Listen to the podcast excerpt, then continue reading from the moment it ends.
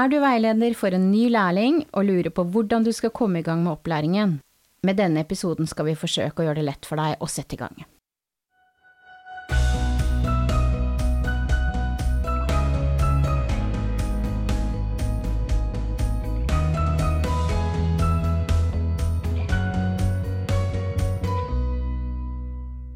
Velkommen til denne episoden av Veilederbua.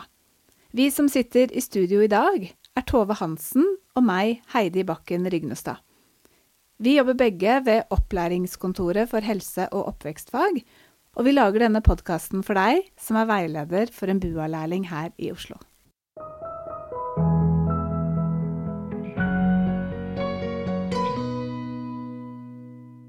Vi har allerede en episode om det å ta imot en lærling, og det å bli en del av eh, arbeidsmiljøet.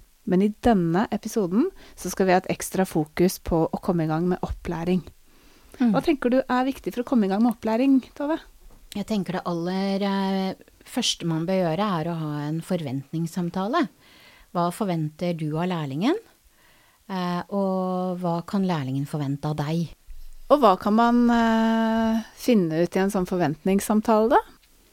Men jeg tenker at i en forventningssamtale så kan du på en måte finne ut hva lærlingen kan, og bruke det som et utgangspunkt, men også hvilke interesser lærlingen har. Fordi jeg tenker at det å bruke interessene sine eh, inn i eh, arbeidet sitt, det eh, gir en kickstart. Ja, for det er mye lettere å sette i gang med noen aktiviteter med barn og unge som man kanskje kan noe om allerede. Hvis man er skikkelig god på å bake, f.eks., eh, så er det kanskje en myk start. At det er noen av de første aktivitetene man gjennomfører, er noen kjøkkenaktiviteter.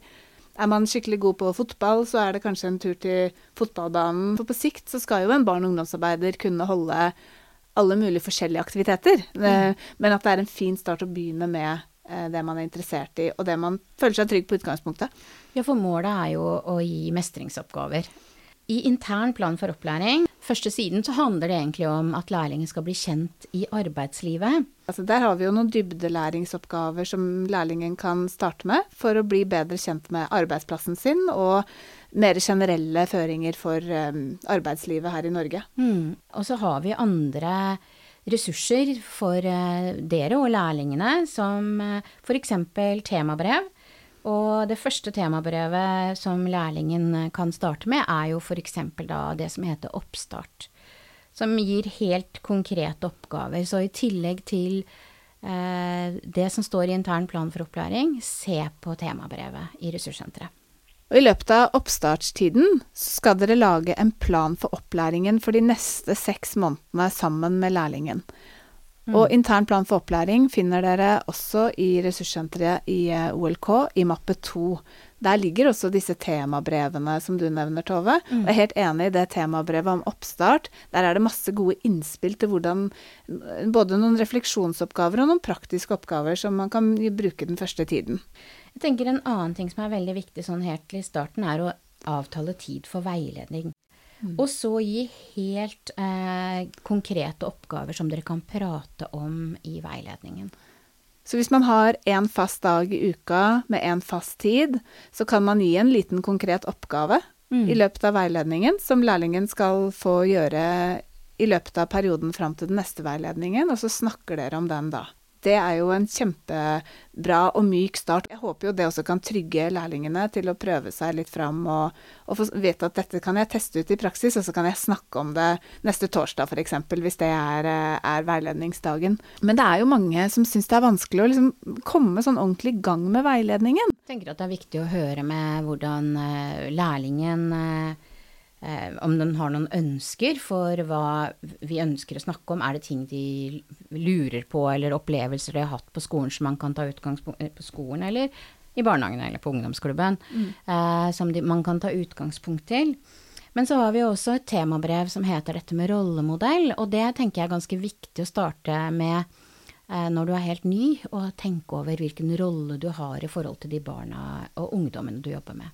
For i den aller, aller første tiden av eh, læretida, så har jo lærlingen ekstra behov for opplæring. Gjennom hele læretida skal det alltid ligge en liten prosent av stillingen til opplæring, Men i den aller første tida, og det første halvåret, så er det faktisk så mye som 70% opplæring.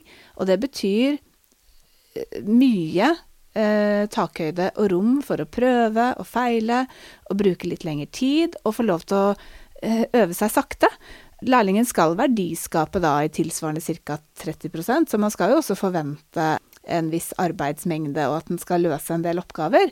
Eh, og dette skal øke i takt med at læretida går, men akkurat i starten så husk at det skal være ca. 70% rom for, eh, for, opplæring og for å prøve og feile. Mm. Så kan det jo faktisk være sånn at lærlingen ikke helt vet hva den trenger veiledning i, fordi man da har behov for opplæring. Ja, jeg husker godt når jeg gikk på, på høyskolen, da, så måtte jeg alltid levere veiledningsgrunnlag når jeg var lærling. Mm. Nei, ikke lærling, da, men når jeg var student. Er det forventa at lærlingen skal gjøre det? Jeg tenker at til å begynne med så, så, bør man ikke forvente det. Da må du på en måte dra det litt og, og være den som leder veiledningen. Mm. Så bruk tiden til å bli kjent med lærlingen og finne ut av hva er det du liker, hva er det du eh, har behov for, og hva er det du kan vi har jo en del episoder i denne podkasten uh, hvor Lise og Gro snakker om veiledningsmetoder. Så det kan jo være lurt å lytte seg gjennom de hvis man står litt fast og ikke helt vet hvordan man skal Hvilke spørsmål man skal bruke, og hvordan man kan uh, få en fin flyt da, i en mm. veiledningssamtale.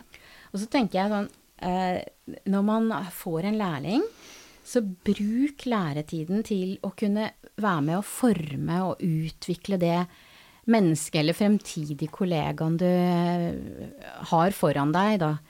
En god fagperson, en god kollega og en god arbeidstaker, det tenker jeg er tre nøkkelord her. Vi prøver oss på en liten oppsummeringsliste på hvordan man kan få til det. Mm.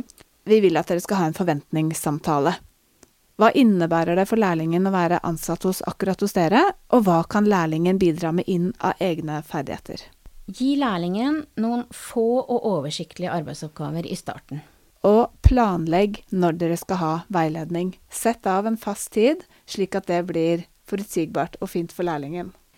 Bruk intern plan for opplæring, og bestem dere for hvilke oppgaver lærlingen skal bruke de første seks månedene på. Og så er det en liten oppfordring til dere, da. Vær tålmodig. La lærlingen få bli kjent med sin nye arbeidstakertilværelse så vil det faglige få mer og mer plass etter hvert.